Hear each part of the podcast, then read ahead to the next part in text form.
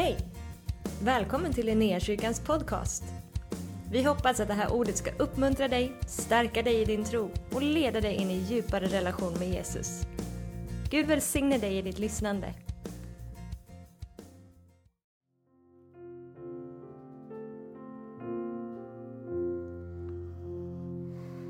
Amen. Tack så mycket Lovisa och Petra.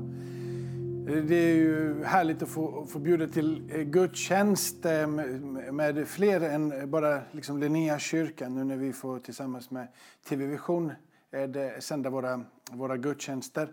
Eh, så du är så välkommen att ta en del utav, utav, utav vårt lokala uttryck som, som församling. Um, hoppas såklart att snart, och vi ska ju be för det, att snart, snart, snart så hoppas vi att dörrarna ska kunna öppna sig. Kan, självklart så kommer det bli någon form av begränsad form. Men ändå att vi får öppna eh, portarna till, eh, till kyrkan eh, runt omkring i Sverige, i Norge och ut över hela, över hela världen. Vi längtar för att komma tillsammans.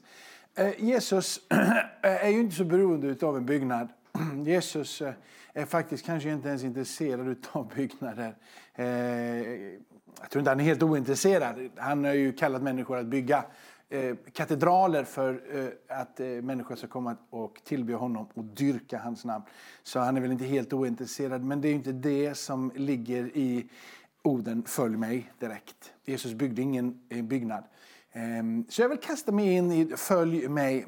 Jag, predikan jag förra söndagen var inne på Följ mig och, ehm, eh, också lite grann. Men jag vill ändå idag hitta tre platser i Markus evangeliet där Jesus eh, ger ett uttryck Följ mig.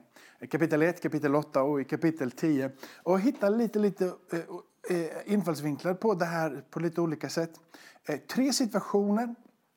Eh, men det är samma känsla på det. En inbjudan om att få följa eh, och gå och vara tillsammans med Jesus och bli färgad av hans eh, oerhörda eh, liv som gjorde sånt intryck på lärjungarna. Men eh, får jag läsa tillsammans med dig från kapitel 1 i Markus och vers 1 ner till vers, eh, eh från vers 14 ner till vers 20 läser vi och så, så klättrar vi Eh, vidare i texterna härifrån.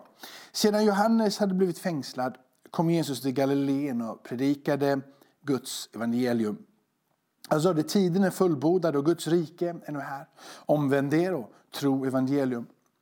När han gick längs Galileiska sjön fick han se Simon och hans bror Andreas kasta ut nät i sjön. För de var fiskare. Och Jesus sa till dem, följ mig så ska jag göra er till människofiskare. Genast så lämnade de näten och följde honom. Då han kom lite längre fram fick han se Jakob, Sebadeus son, och hans bror Johannes. De satt där i båten och gjorde i ordning sina nät. Strax kallade han på dem och de lämnade sin far Sebadeus och hans daglönare kvar i båten och följde Jesus. Jag kan, jag kan ha svårt att se eh, min pappa. Eh, nu, nu så kan, vi, vi, har inte varit fiskare och vi har inte varit lantbrukare. och det är svårt att sätta in. Men om jag skulle sitta tillsammans med min pappa och vi skulle hålla på med det som är vårt levebröd, eh, ett eget företag. Och så står den här Jesus där. Eh, det är inte så att han har ett jättelångt rekord innan den här händelsen. Det beskrivs inte så många och stora saker innan han kallar dem som han gör här nu i kapitel 1, att följa honom. Lite senare i kapitel 8, när han adresserar följ mig där, om någon vill följa mig, så är det så att där har han ju faktiskt eh, eh, stillat storm och gått på vatten. Han har botat dövstum, blind och han har kastat ut Han har gjort oerhört mycket mirakler. Han har gjort väldigt mycket. Men här har han inte gjort någonting. Vad är det som gör att orden ifrån Jesu mun följ mig fullständigt förändrar dessa enkla fiskare till att bara säga jag ställer mig upp, jag följer. Till och med vågar lämna fadern där med daglönarna och bara dra därifrån. Vad är det i Jesu inbjudan? Vad är det i Jesu blick? Vad är det som gör att han sätter sånt avtryck på dem. Eh, när Jesus möter med dig och mig, när Jesus rörde vid ditt och mitt hjärta, så eh, säger vi vårt ja till honom. Och som lärjungarna så vet vi inte riktigt vad det är på väg. Men lärjungarna fick på något förunderligt sätt här ett syfte och en mening med sin tillvaro som gjorde att de följde Jesus. Han sätter ett riktning för dem i livet. Och säger, Följ mig och jag ska göra er till människofiskare. Vad jag tror hände i deras hjärtan var att de helt plötsligt såg att det finns en mening med mitt liv, det finns ett syfte. Jag är till kanske för någonting större. För det här med människofiskare, det låter intressant. Låt mig få följa och hitta en väg. När du och jag tar emot Jesus i våra hjärtan och han inbjuder dig och mig att följa så ska vi veta, vi har skriften idag. När det här hände så fanns det inget evangelium skrivet. Jesus är ju Guds evangelium. Han är ju vårt hopp. Han är budskapet ifrån Gud in i våra liv. Evangeliet var inte där. De första skrifterna är ju breven från Paulus och evangeliernas tillkom kommer några år lite senare. Så innan det fanns en enda skrift så var det Jesu liv som präglade och hans död och uppståndelse som frälste och gav rättfärdiggörelse. Jesus, den livsförvandlande personen. Han är ordet ifrån Gud nedskrivet till oss här nu i efterhand. Men han är det personliga ordet från Gud. Han är det levande ordet från Gud. När han stiger in i lärjungarnas värld så sker någonting. Nästa steg i den här följ mig-resan som jag försöker följa i Markus är från kapitel 8. Som jag sa, han har gjort mirakler. Det är flera tusen, fyra tusen läser vi där i kapitel 8 som har fått käk. Och det är stormar som blir stillade och går på vatten. Det, det är oerhörda saker som händer. Det enda som riktigt andas över mig ifrån den här eh, sammanhanget när det står ifrån vers 34. Han säger till dem så här vers 34. Och han kallade till sig folket och sina lärjungar och han sade till dem, om någon vill följa mig så ska han förneka sig själv och ta sitt kors på, på sig och följa mig. Ty den som vill rädda sitt liv ska mista det, men den som mister sitt liv för, eh, för min och för evangeliumets skull, han ska rädda det.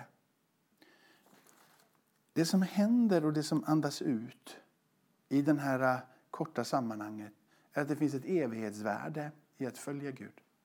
Ett större syfte, en större plan.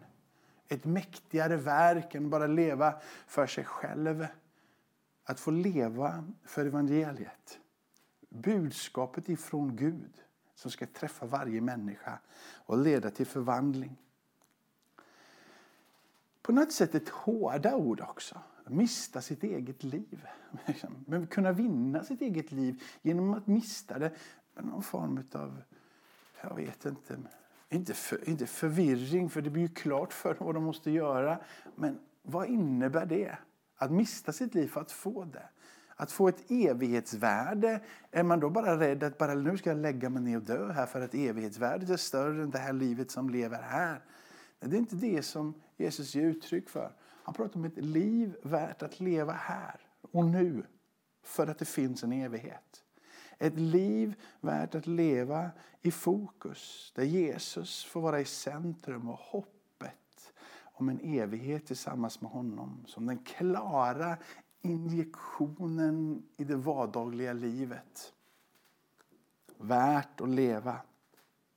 Men det som är den största berättelsen för mig när det kommer till lärjungaskap. Kanske för att jag är kristen och att jag försöker göra allt försöker göra allt så bra som jag kan. Eller? Har du kämpat med att vara kristen, det vill säga att du ska leva upp till allting?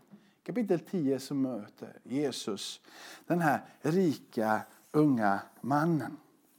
Den här rika unga mannen kommer fram till Jesus och han adresserar direkt det här evighetsvärdet, evighetslivet.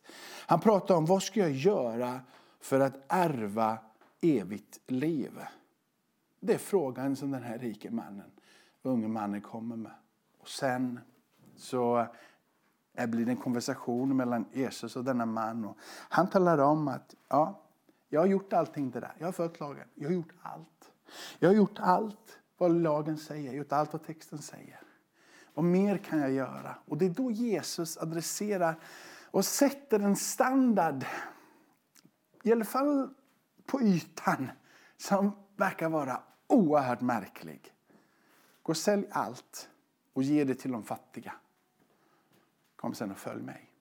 Den rike mannen han blir helt galen. Han vill ju följa Jesus. Men måste jag sälja allt för det? Vad är det här för något test? Vad är det för något prov?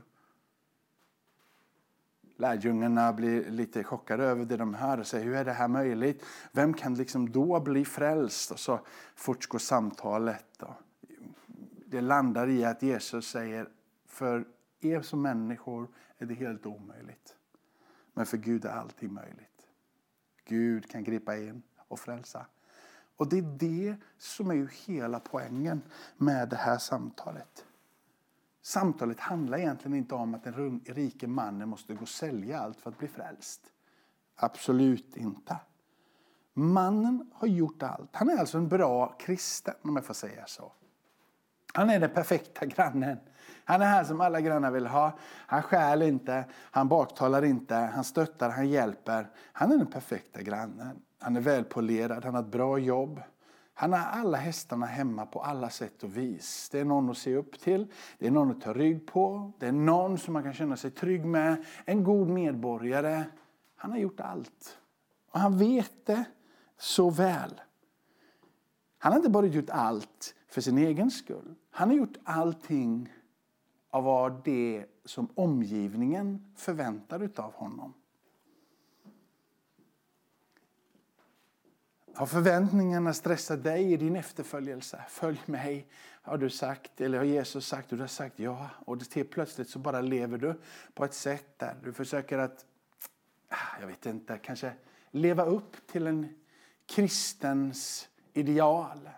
Förväntningarna från din kyrka, förväntningarna från dina föräldrar, förväntningarna från den ena och den andra. Och till slut så har du velat bort dig. Det är inte längre du som gör det för att du längtar efter att göra det. Utan det förväntas av dig och du har gjort det.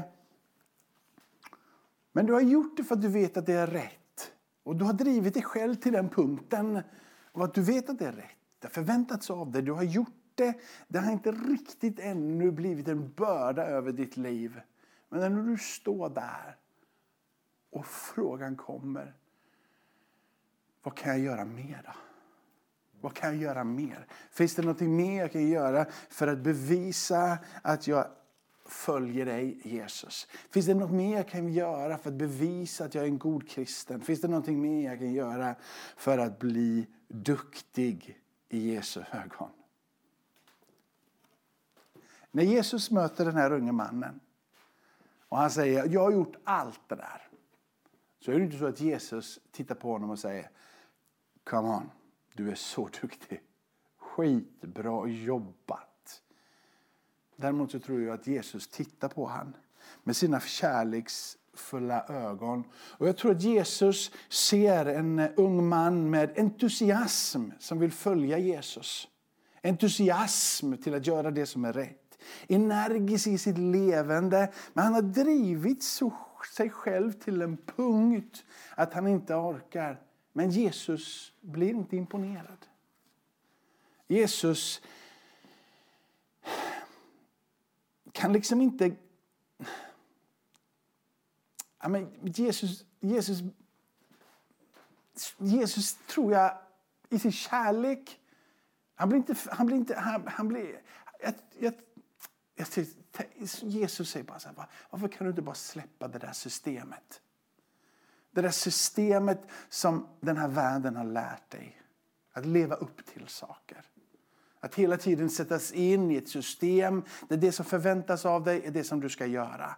Det finns regler, det finns koder, hemliga förväntningar, uppfyllda förväntningar, krav, dina egna sätt att bevisa. Varför kan du inte bara byta hela det där religiösa systemet Det där systemet som gör att du tror att du kan tillfredsställa både dig själv och Gud genom ditt sätt att vara.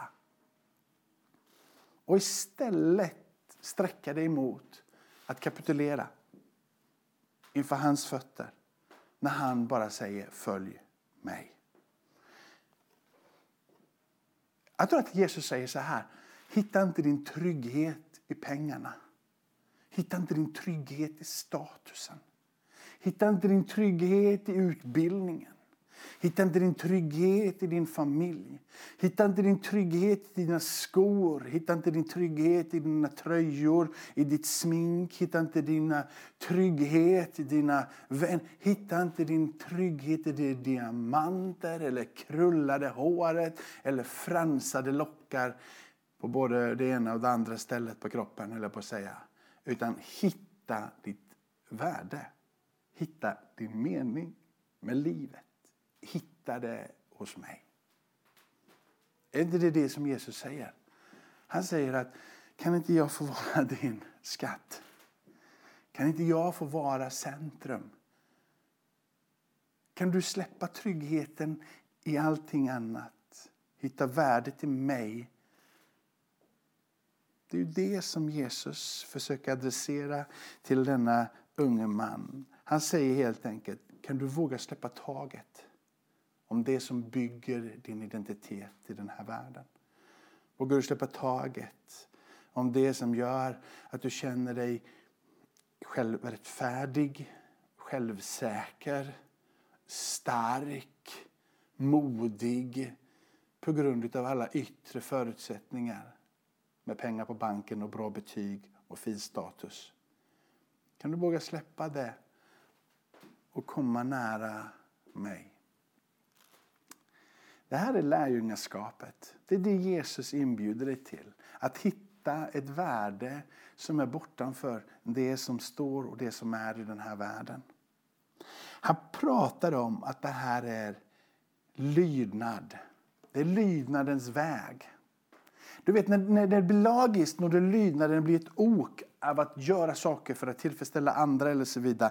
Då blir det en börda utifrån. Då andas den här eh, lagiskheten, lydnaden, bördan att göra. Den andas utifrån att detta måste du göra eller att du borde göra det. Och när det är det som hamrar på din insida så kommer du snart att tappa kraften i din efterföljelse upproret i det när du säger att vi är fria i Kristus. Liksom, och det blir liksom en, en slagsida på andra hållet. Det är att du inte behöver göra någonting för han har redan gjort allt. Men när lydnaden är en lyhördhet emot vad Jesus säger så bygger lydnaden på din insida en längtan efter att få göra det som han gör. Jag vill göra det som du gör. Jag vill inte sträva efter ett bättre liv. Jag vill följa dig in i ett liv där du får sätta standarden Jesus. Och då är frågan, hur får man det här? Det är mycket floskler kanske som du tycker, oj vad du har, liksom, hur ska man få tag på det här livet? Hur ska man... Det är ganska enkelt, men det är lika svårt som det är enkelt. Det är att börja lyssna på honom. Det är så han inbjuder att lyssna på mig. Lyssna till det jag säger. Det är det som Jesus adresserar till sina lärjungar till det folk som finns runt omkring honom. Att lyssna och han längtar efter att vi ska förstå. När Han pratar med sina lärjungar så pratar han in i sammanhang som handlar om till exempel Guds bud eller människobud. Och då så pratar han om att det inte är det som kommer in i människan utifrån som orenar utan det som kommer inifrån som orenar människan. Och så pratar han om att hör på mig allesammans. Lyssna till mig. Försök att förstå vad det är jag säger till er. När Jesus uppenbarar sig eh, i sin härlighet på förklaringsberget tillsammans med tre av sina lärjungar så är det en röst från himmelen som säger att denna är min son, den älskade. Lyssna till honom. Orden som kommer ut ifrån himmelen till dig och mig är lyssna till honom. När du lyssnar, lyssna i sin liksom i, i, i sitt, vad, vad, är, lyssna, vad är lyssna är, så är ju inte lyssna Liksom, du, du, du sätter på radion och så sitter du där och nynnar med lite och så zoomar du ut lite. När det står lyssna så är det ett aktivt lyssnande. Det är till och med att våga lyssna in och kanske höra vad som ligger bakom det som sägs. Att inte bara snappa upp de bokstaveringarna, utan vad är andetaget bakom? Att orden som kommer säger dig någonting och blir till en längtan att meditera på. Någonting som du får tugga och svälja och tugga och svälja. Någonting som gör en rörelse på din insida. Att vi kunde få bli riktiga lyssnare. Det är där i som det här kommer. Lyssna till vad jag har att säga. Lyssna. När du lyssnar och när du förstår vad det är han säger så blir det en automatisk lydnad på din insida. Det vill säga att när du har förstått vad han säger så kommer du börja att lyda det som han säger. Inte som det där oket att detta måste du göra eller detta bör du göra. Utan som en längtan på insidan att vilja göra. Att vilja gå i den riktningen som han inbjuder dig till att gå. När du gör det han säger så växer du i gemenskap. Du växer i förståelse till vem han är, hur han fungerar. Han hjälper dig att komma till platsen där du faktiskt blir formad av vad hans ord säger. Det är intressant när Jesus undervisar, trots att han undervisar i liknelser och det är liksom svårt för dem att hänga med så är det någonting i hans ton när han undervisar och när han pratar som gör att de vill lyssna mer. Han pratar på ett sådant sätt att de ville lyssna, läser vi i Markus 4. Det fanns någonting i det han sa som väckte åhörarnas intresse. Han pratade inte som alla andra. Han hade ett budskap. Och Jesus säger själv vad det budskapet är. Han säger det till exempel i Johannes 17 i sin överprästliga förbön. När han ber där så pratar han om att Gud, Fader, det är ditt budskap jag har. Ditt budskap är det som jag har förmedlat. När Jesus pratar så är det ett budskap ifrån himmelen. Det är ett budskap som bär evighetsvärde.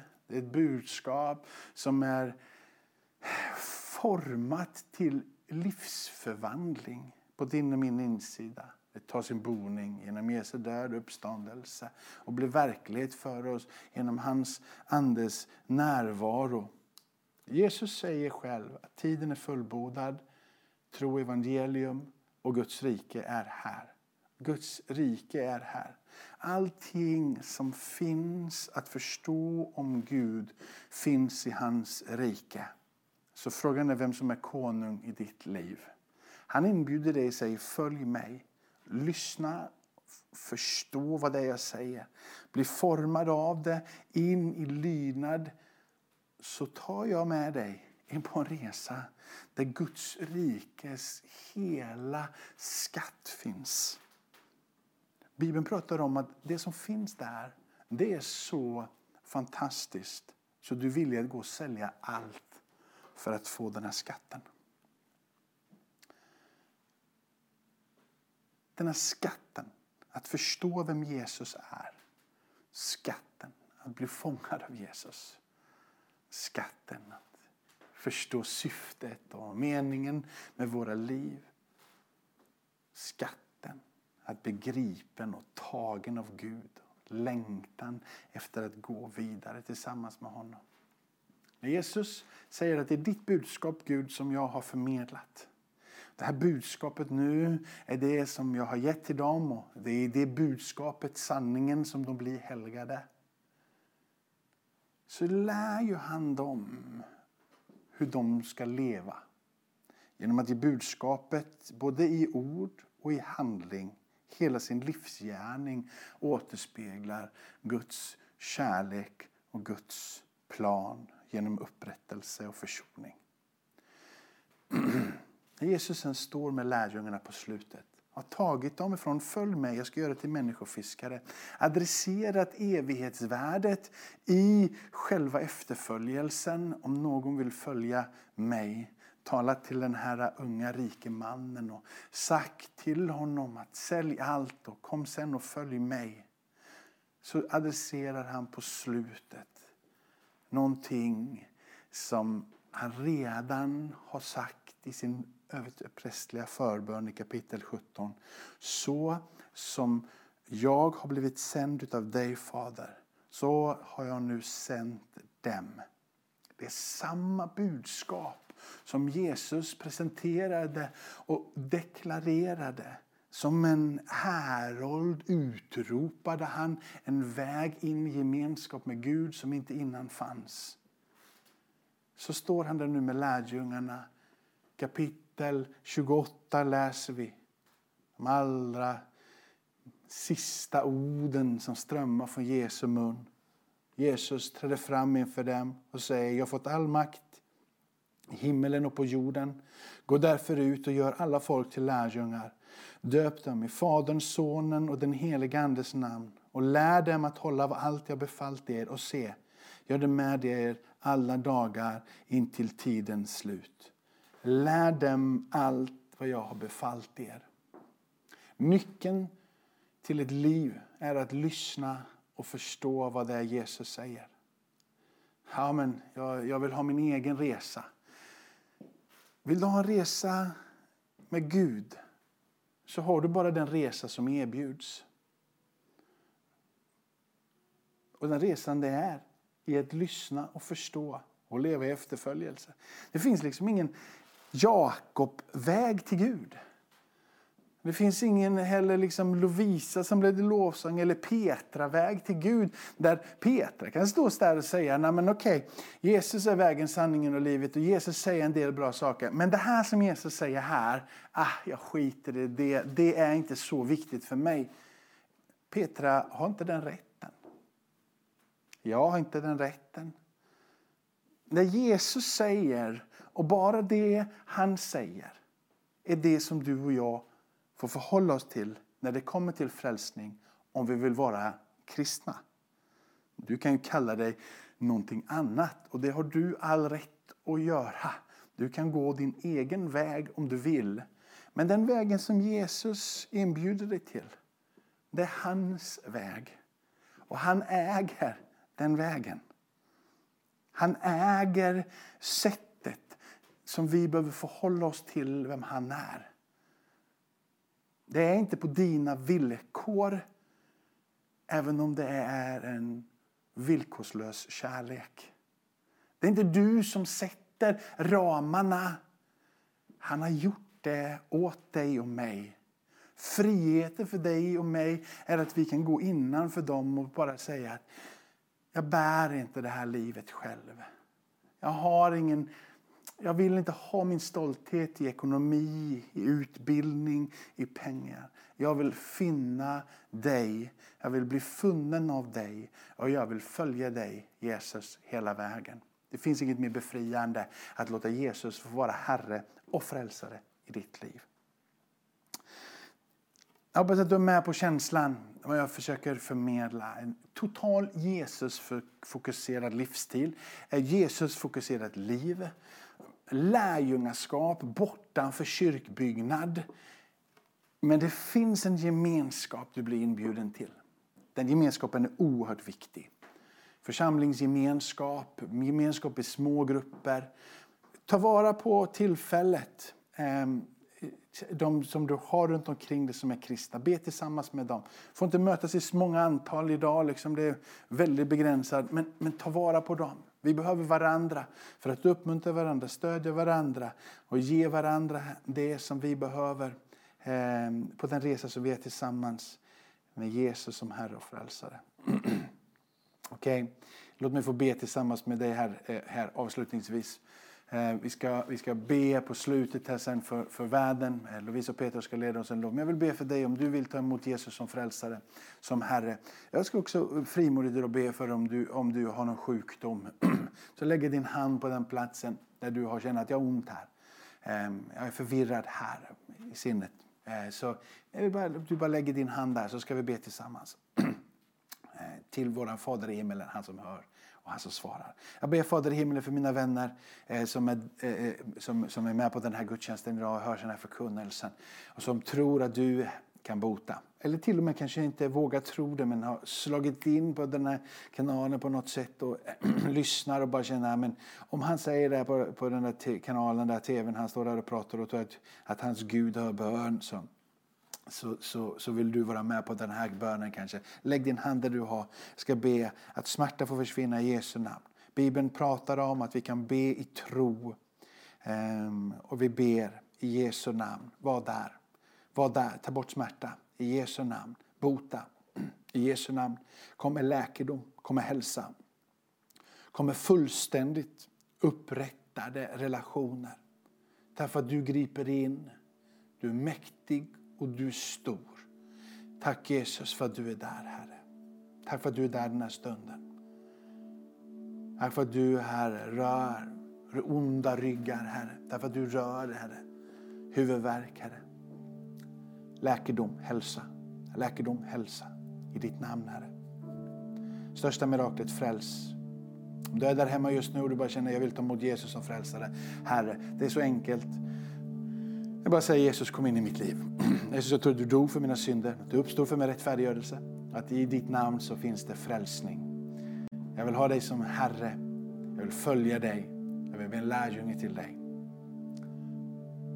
Har du sagt de orden, tro dem i ditt hjärta, så är det skett. Du är frälst, du tillhör honom.